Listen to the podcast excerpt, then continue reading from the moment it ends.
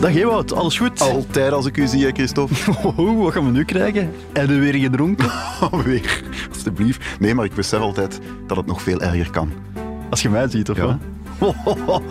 Echt waar, het is maandagochtend. Hè. Bert, start een intro dat dat spel woensdag online staat. Vanuit de kelders van Nieuwsblad zijn dit de vrolijke vlekken. Met een euro is alles duurder geworden. De banken, dat zijn dieven. Wanneer wordt ons loon gestort? Meneer, uw kortingsbon is net vervallen. Zeg dat, dat moet niet op factuur zijn. We, we regelen dat. Oeh, saldo ontoereikend. Ewout, de mensen zijn het beu om te veel te betalen. Al wel, Christophe, wij gaan daar iets aan doen.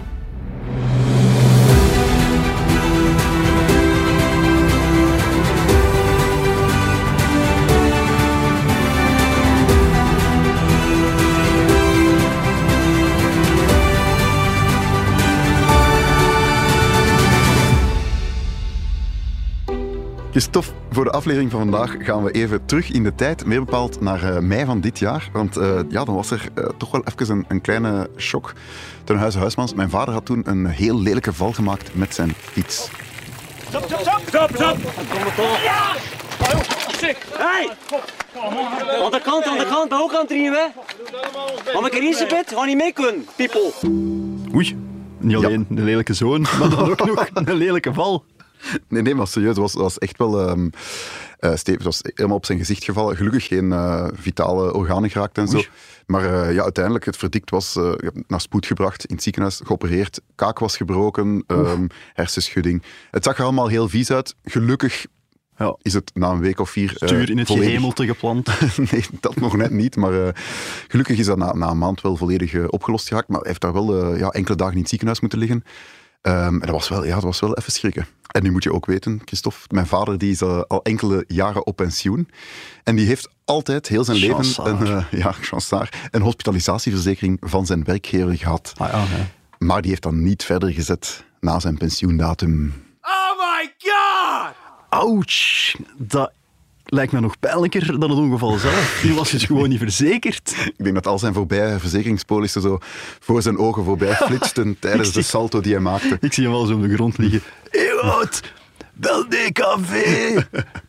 Mijn assurance. Wat, de ambulance? Nee, nee, assurance.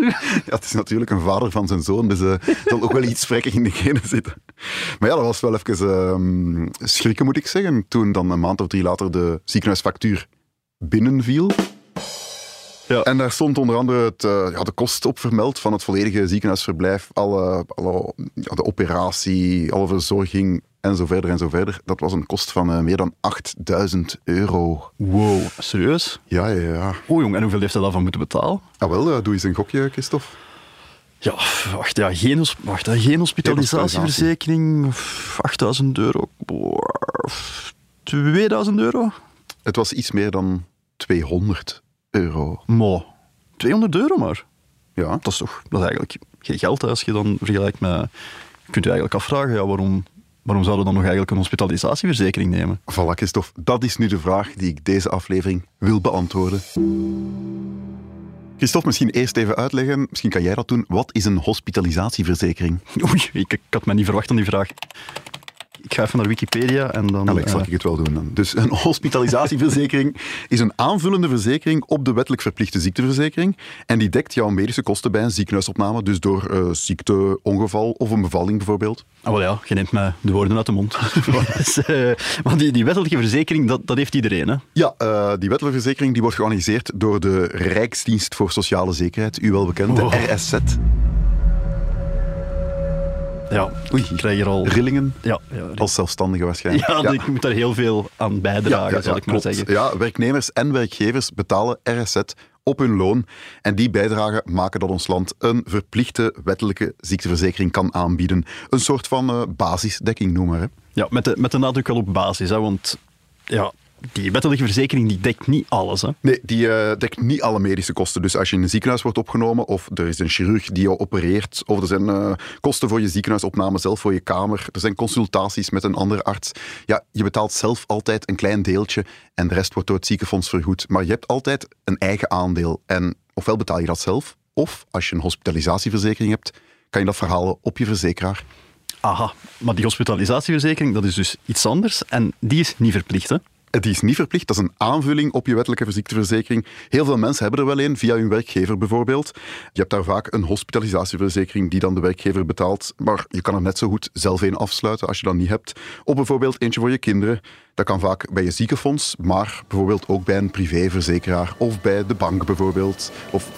Oh, Christophe? Christophe? Bert, we zijn Christophe aan het verliezen. Christophe? Je zet mij niet aan het verliezen, we zijn die luisteraars aan het verliezen. Allee, kom, ons legt het op de operatietafel. Adrenaline, recht in het hart, kom aan. Niet opgeven, blijf erbij. Allee, allee, allee. Bert, Bert, doe hier iets, jongen. Maak die aflevering sexy, want Ewout is hier volledig aan het verkukken. Allee, ik mag het niet zeggen, maar... Ik heb, ik heb, ik heb een muziek gewacht.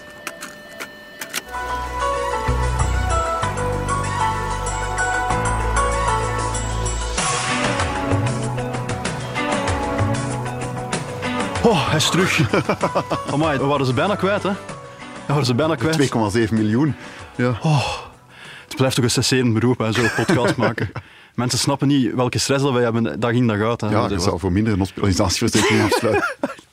Maar is wat, alle tussentuentjes op een stokje, is dat duur? Hé, wat? Zo'n hospitalisatieverzekering. Ah, wel, dat verschilt per leeftijd. Ja, eigenlijk, eh, hoe ouder dat je bent, hoe duurder dat het gaat zijn, omdat je meer risico loopt op een hospitalisatie. Ik heb eens opgezocht voor mezelf. Stel dat ik bij de CM zou zitten. Trouwe luisteraars eh, weten uit aflevering 1 dat dat helemaal niet het geval is.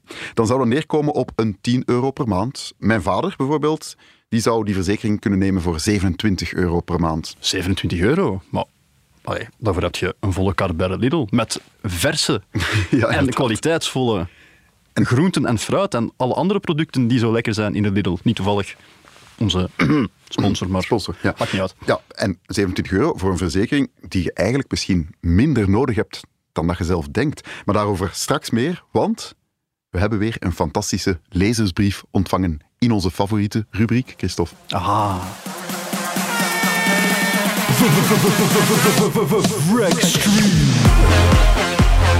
Ja, je weet, eh, twee weken geleden hadden we de aflevering over HelloFresh en die is heel veel beluisterd geweest. ja, Daar hebben we ook heel veel reacties op gekregen. Heel veel reacties. Ja, ehm, onder andere van Leni. En Leni, echt waar, chapeau, dat is gewoon, eh, die gaat nog een level hoger dan wij zelf. Echt? Echt Ik dacht waar. dat niet kon. Ja, luister even mee.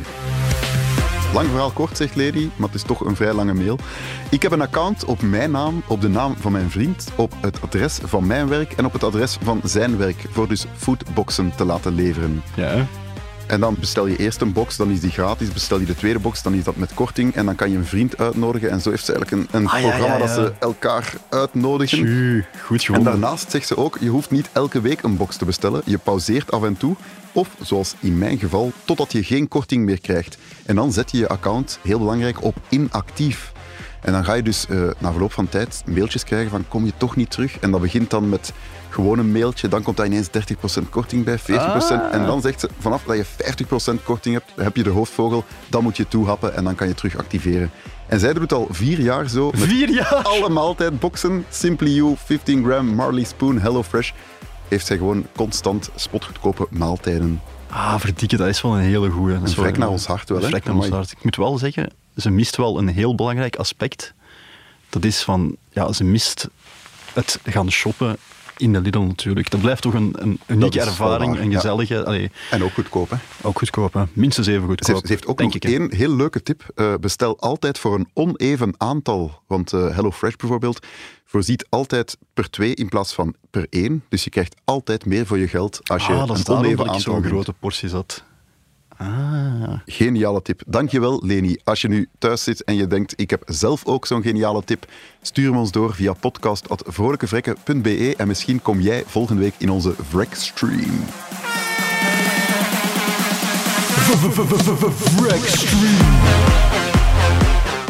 Dat was nu een keer een goede mail. Dat is een keer echt zo iets iets wat anders dan Christophe. Maar je bent zo sexy, wanneer kunnen we afspreken? Allee, ik bedoel, daar zit onze box al van vol, maar dit was echt Ja, een ik stond ook versteld dat je mails naar jezelf kan sturen vanuit onze mot. Maar eh, om te weten hoe het nu allemaal zit met de hospitalisatieverzekering, want daar waren we over bezig, Christophe, is het belangrijk om eens even de ziekenhuisfactuur onder de loep te nemen. Want zo'n factuur die bestaat eigenlijk uit drie delen. Het eerste deel is de, ja, dat heet wettelijke tegemoetkoming. Klinkt allemaal zeer sec. Maar dat is eigenlijk gewoon ja, het deel dat wordt terugbetaald door je ziekteverzekering. Dat is gewoon eh, bijvoorbeeld de consultatie van een specialist. Kost zoveel, dat wordt terugbetaald door de, door de ziekteverzekering. Tweede deel is het remgeld. Dat is het kleine stukje dat je zelf moet betalen. Dat ligt ook gewoon vast. Net zoals eh, de wettelijke tegemoetkoming. Dat zijn prijzen die vastgesteld worden door het RZ. Daar kan je niks aan veranderen. En het derde, Christophe, dat is eh, ja, het meest gevreesde deel van de factuur. Dat zijn de kamer- en de ereloonsupplementen. Ah, dat klinkt niet alleen duur, dat is ook Dat duur. hè? is ook duur. Eh, de kamersupplementen gaan naar het ziekenhuis en de ereloonsupplementen dat is naar de behandelende artsen. En ja, dat kan heel veel zijn. Hè. Maar, Christophe, dat kan ook heel weinig zijn. Hoeveel van die supplementen dat erbij komen, dat hangt volledig af van het type kamer dat je bestelt. Ja, want als je in een ziekenhuis wordt opgenomen, dan moet je een verklaring tekenen en daarin kies je welke kamer je wilt. En grof gezegd zijn er twee soorten. Er zijn meerpersoonskamers en er zijn éénpersoonskamers. En kies je een meerpersoonskamer, dus vind je het niet erg dat er iemand anders op je kamer ligt, dan is het heel simpel. Dan betaal je gewoon 0 euro supplementen. Het is verboden om eerloon of kamersupplementen toe te voegen. Ja, dan zit je wel met iemand anders op je kamer. Ken het? Zo van, oh, je zit er al af te zien en dan naast je zit er nog ene te reutelen. En dan, Je bent een vrek. ja, maar, en je garandeerd wilt die naar de blokken kijken. En dan, ja, ik bedoel, je ziet al zo Neem af. je gsm mee, hè? Dat is waar. Nee, maar in het geval van mijn vader bijvoorbeeld, die lag op een meerpersoonskamer. Voor een verblijf dat meer dan 8000 euro kostte, moet hij zelf amper 200 betalen. Dus ja, je ziet, dat is de spotgoedkope oplossing eigenlijk. Hè? Ja, ja, ja. En dan heb je de éénpersoonskamer. En daar kunnen enorme kosten bij komen. Hoe hoog, dat kan je nalezen in die verklaring die je tekent. Maar eh, het kamersupplement of het eerloonsupplement, dat is meestal een percentage van de werkelijke kosten. Dus bijvoorbeeld, het ziekenhuis kan 150%, soms zelfs 200% extra aanrekenen.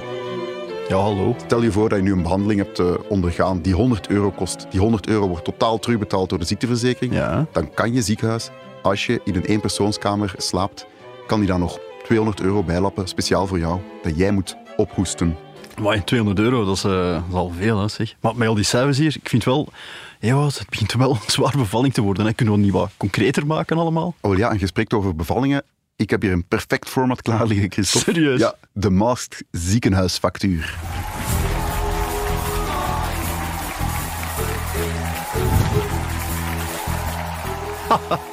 Klinkt goed. Ja, om het allemaal nog wat concreter te maken, Christophe, heb ik de tarieven opgezocht van een bevalling. Wat dat dan nu kost in het Mechelse ziekenhuis AZ Sint Maarten. Ik moet daar om een of andere reden midden december eh, ook zijn, maar dat geheel terzijde. Ja, is het waar? Het is, het is waar. En- ja. en weet hij een wat ervan? Een tweede zoon. Emma weet ervan. Ah, ja, oké. Oh, nog zo een, jongens, toch. Ja. Oh, Maar ik heb hier... Hey, proficiat. Toch bedankt hè, voor... proficiat. Maar zeg, smet dat hier zomaar in mijn gezicht. eh. Ja, ja, ja. ja. Ho, ho. Je hebt ook twee zonen, is dat leuk? Laat ons verder gaan met de, met de Ja, podcast. ik heb hier eh, twee enveloppen voor jou, Christophe. Ja, hè? Eén met het opschrift één persoonskamer. En één met het opschrift twee persoonskamer. Doe eens gewoon een gokje. Eh, beginnen bij de éénpersoonskamer. Hoeveel denk je dat een bevalling kost als je voor die kamer kiest? Dus een gewone bevalling, drie dagen ziekenhuis met alle zorg, alle artsen, alle behandelingen die je nodig hebt. Al in, eh, al het eten zit daar ook in. Eén persoonskamer. Hoeveel kost dat? Eh, goh, ja, het is nu wel al even geleden dat ik... allee, bevallen bevallen, ja. Wacht, even denken. Goh... 4000 euro. 4000 euro, dat is een mooie gok. Eh, doe maar open hoor. Ja, even kijken. Oei, ik zat er een klein beetje aan. Ik zeg, het is lang geleden. Eh 1628 euro. Ja, Dat is denk goedkoop eigenlijk, hè? ja het, is wel veel geld hè, als je het zelf moet ophoesten. Ja, ja, dat wel. Maar allee, ja, sorry, ik zat nu eenmaal met die 4000 euro in mijn, in mijn kop. Maar ik kijk misschien een beetje te veel naar Amerikaanse reeksen, waar dat er dan zo... eh, Geen ziekteverzekering ja, en gewoon eh, exact, ja, ja, 30, ja. 40.000 dollar. Eh, Nee, nee, nee, dat, dus ja, 1600 euro, het zal vaag, maar toch liever dat de hospitalisatieverzekering het betaalt. Ja, liever wel, ja. Maar dan is er nog het andere envelopje met de tweepersoonskamer. Ja. Dus je krijgt daar exact dezelfde zorgen. Ook drie dagen lang alle artsen, verblijf, ook een epidurale als je dat wenst, wat dan ook. Voor de vader ook. ja, uiteraard. Alles exact hetzelfde als in die eenpersoonskamer, met het verschil dat je met iemand samen kan liggen. Ja, ja. Doe eens open. Oké. Maar, serieus. Maar echt 100, 191 euro. 191 euro voor een volledige bevalling Ja. in België. Maar dat is geen geld om te bevallen Dat is eigenlijk. geen geld, hè? Misschien En je jij nog een, eh, nog een kind gaan maken? of-? Nou, laat het maar uit. laat het maar uit. Nog eentje om het af te Dan ik, dan wil ik echt elke dag epiduralen krijgen gewoon, voor de rest van mijn leven. Sluit dat hier aan, jongens. nog één om het af te leren. Stel nu hè, dat er iets... Nog één om het af te leren, was dat ook wat je tegen Emma zei? Laat het uit, joh. Nog één om het af te leren. Dus stel dat, je, eh, dat er extra toezicht nodig is. Om een of andere reden, hè, eh, je pasgeboren baby, er is extra monitoring nodig. En die moet een dag in de couveuse liggen. Ja. Kan, kan gebeuren, hè. ja.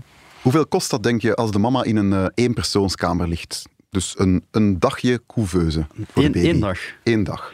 Goh, nu moet ik even recalibreren, want ik zat er net al zo heel ver naast. Eh, Natuurlijk echt wel, ja, 300 euro. 300 euro. Je mag het eh, envelopje open doen. Ah, hé.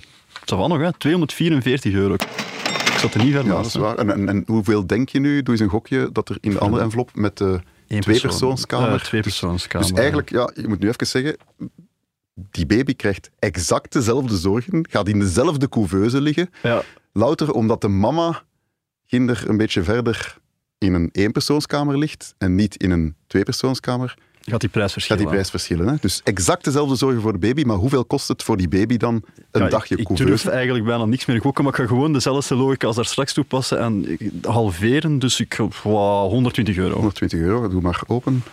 Kijk, kijk. Nee, serieus. 4,96 euro. 4,96 is geen geld, hè? Enfin. Dat zou spontaan geld. zo een paar dagen langer in, in de couveuse leggen. Allee, jong. Denk zelfs dat jij daar ook in past, Christophe. in, in die couveuse. Goedkoper dan Echt je energierekening betaalt, denk ik. Ah, mensen toch. Bon, dat is duidelijk. Die bedragen die vallen veel beter mee dan ik verwacht had. Maar stel nu dat je kiest voor een meerpersoonskamer. Ja. Maar je hebt toch veel tegenslag. Want eh, een hele, een hele zware ziekte bijvoorbeeld, dan, ja, dan hebben we het niet over een dagje in de couveuse liggen Nee, of zo. nee, maar dan maandenlange eh, behandelingen en weet ik veel wat allemaal. Dan kan die rekening toch gigantisch oplopen. Ja, dat zou je denken, Christophe. Maar ook daar heeft de overheid een soort van backup voorzien. En dat heet eh, de, maximumfactuur. Leg uit. Ja, de maximumfactuur. Dat is een systeem waarbij dat de overheid eigenlijk doorheen het jaar bijhoudt hoeveel dat jij al samen met je gezin hebt betaald aan remgelden. En als dat bedrag een bepaalde grens overschrijdt, een grens die maximaal 2027 euro is, dan moet je nooit meer remgelden betalen. Dus dan, vanaf dat bedrag begint de overheid alles voor jou te betalen. En wat dan nog beter is, er zijn ook sociale correcties op dat bedrag van 2027 euro. Dus dat wil wacht, zeggen, even, wacht, even, wacht. Ik ga even onderbreken. Dus je gaat nooit meer dan 2027,16 euro moeten als betalen. je voor een meerpersoonskamer kiest, ga je nooit meer remgeld moeten betalen dan dat. In je hele gezin. En er zijn ook Bijgeleerd vandaag. Ja. Ongelooflijk. Er zijn ook sociale correcties, wat wil zeggen dat als je een, laag, als je een heel laag inkomen hebt, ligt die maximumfactuur bijvoorbeeld al op 250 euro. Er is ook een sociale maximumfactuur, dat wil zeggen als je een verhoogde tegemoetkoming geniet, dan ligt die ook veel lager, 506 euro per gezin. Ook kinderen jonger dan 19 jaar hebben een veel lager bedrag. En zo zijn er allemaal beveiligingen ingebouwd, zodat je nooit echt ja, tienduizenden euro's, dat kan gewoon niet aan remgelden. Dus als ik het zo hoor, conclusie is eigenlijk geen hospitalisatieverzekering nemen. Eh, Christophe, als je graag een hospitalisatieverzekering neemt, en ik weet per toeval dat jij er één hebt, ja, blijf dat gewoon doen. Dan ben je gerust. 32 euro per maand kost dat spel. Ah ja, je, je bent een speciaal geval natuurlijk. Met die Tesla die... eh, Ik heb al verhoogd, ik heb al verhoogd risico natuurlijk. Ja, ja, dat is waar. Maar eh, ja, dus doe het gerust als je gerust wil zijn.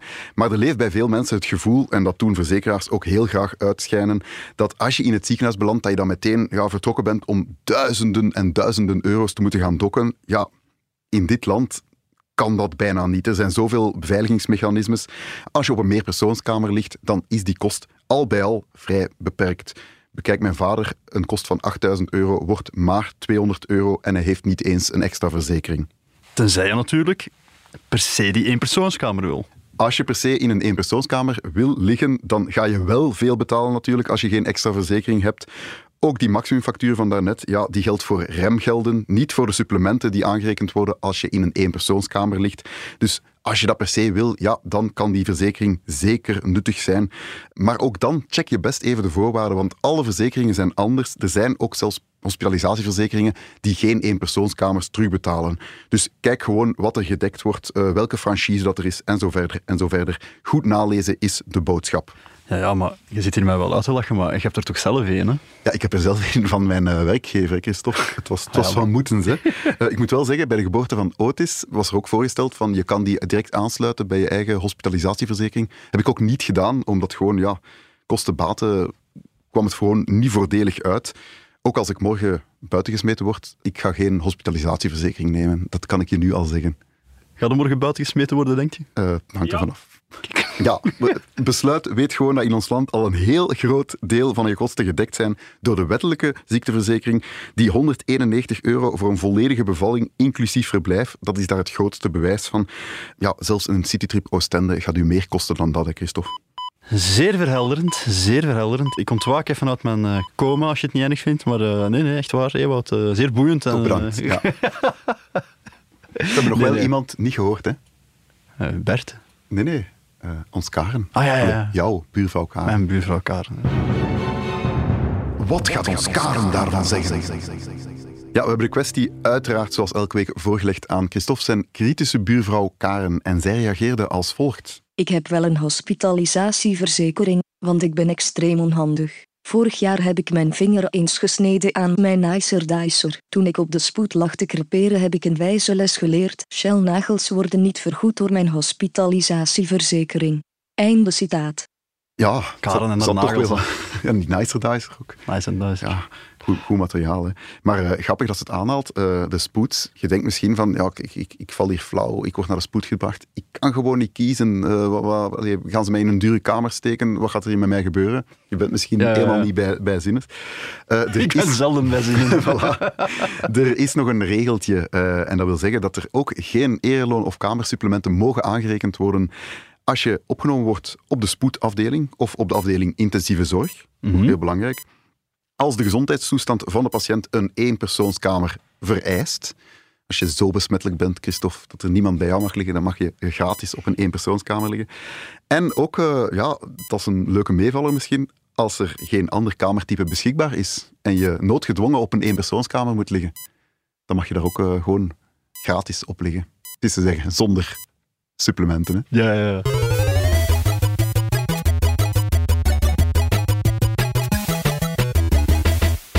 Kan al tellen. Christophe, de herfst is officieel in het land. Voel je het ook aan je ademhaling en je neus en je snotterige toestanden? Of nog niet? De algemene weemoedigheid, zal ik maar zeggen. Algemene De depressie, die- depressie die ja. voel ik al eh, Ja, boven jou hangen. ik voel een winterdepressie opkomen. Ja, al sinds 1 januari 2022. Ik kijk ook op tegen de, de herfst, maar dan meer bepaald die reclames die weer gaan overal verschijnen voor oscillococcinum. Ken je dat? nee, wat? Oscillococcinum. Nee, Dat is een... eh, een ik, ik doe air quotes op dit moment, want Ja. ik mag het eigenlijk geen medicijn noemen. Het is eh, tegen griepachtige toestanden. Dat zijn pilletjes die je kan nemen. Tegen de griep. Ja, maar dat is een eh, homeopathisch geneesmiddel. Je Ah, hoort ja, al ja. komen. Eh, ik ben Mm. daar zeer enthousiast over. Wikipedia zegt daarover het volgende. Oscillococcinum is een homeopathisch middel waarvan beweerd wordt dat het de symptomen van griep verlicht. Deze claim mag, vooral duidelijkheid, volgens Europese richtlijnen niet op de verpakkingen, niet in de bijsluiter en niet in reclameuitingen. Weet je wat daarin zit in oscillococcinum?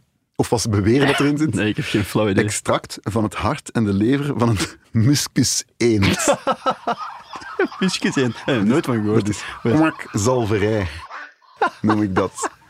Maar echt waar, dat, is gewoon homeopathische eend? dat, dat werkt niet. Ehm, het is allemaal wetenschappelijk uitgezocht en ja, het, het is gewoon geen enkel significant bewijs dat het werkt. Oscillococcinum, staat er nog op Wikipedia, is dusdanig verdund dat het uitgesloten is dat er nog één enkel molecuul van het hart- en leverextract van de muscus eend aanwezig is in het middel.